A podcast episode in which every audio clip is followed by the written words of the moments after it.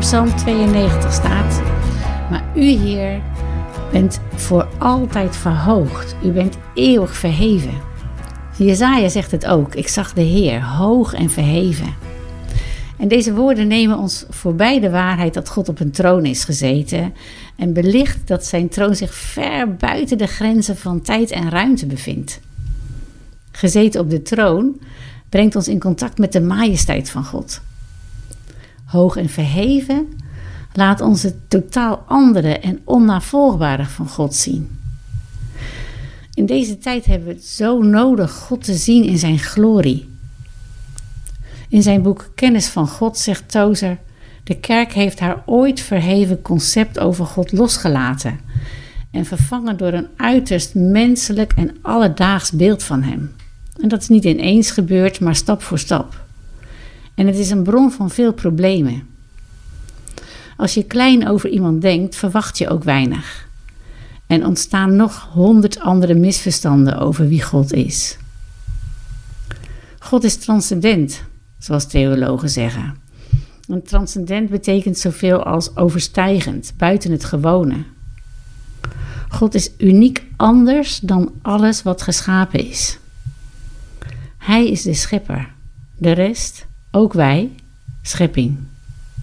En voel je hoe moeilijk het is om bij benadering in woorden iets aan te geven over hoe anders hij is?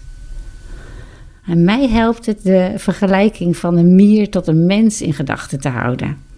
Als ik mezelf als een mier zie en God als mens, dan helpt dat, hoe krom het beeld ook is, om iets te bevatten van dat God van een totaal andere orde is dan ik.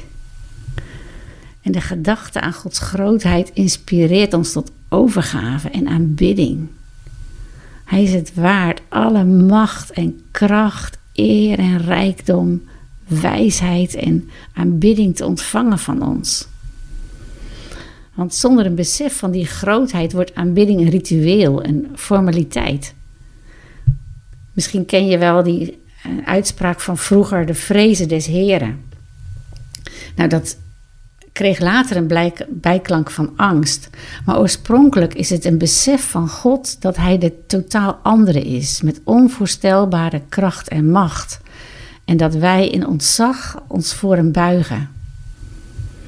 En dan te bedenken dat diezelfde God ook in ons woont. Heer, als we stilstaan bij een poging om iets van uw grootheid te beseffen, dan worden we alleen maar kleiner en kleiner. We hebben een manier die ons helpt om het goede perspectief te zien.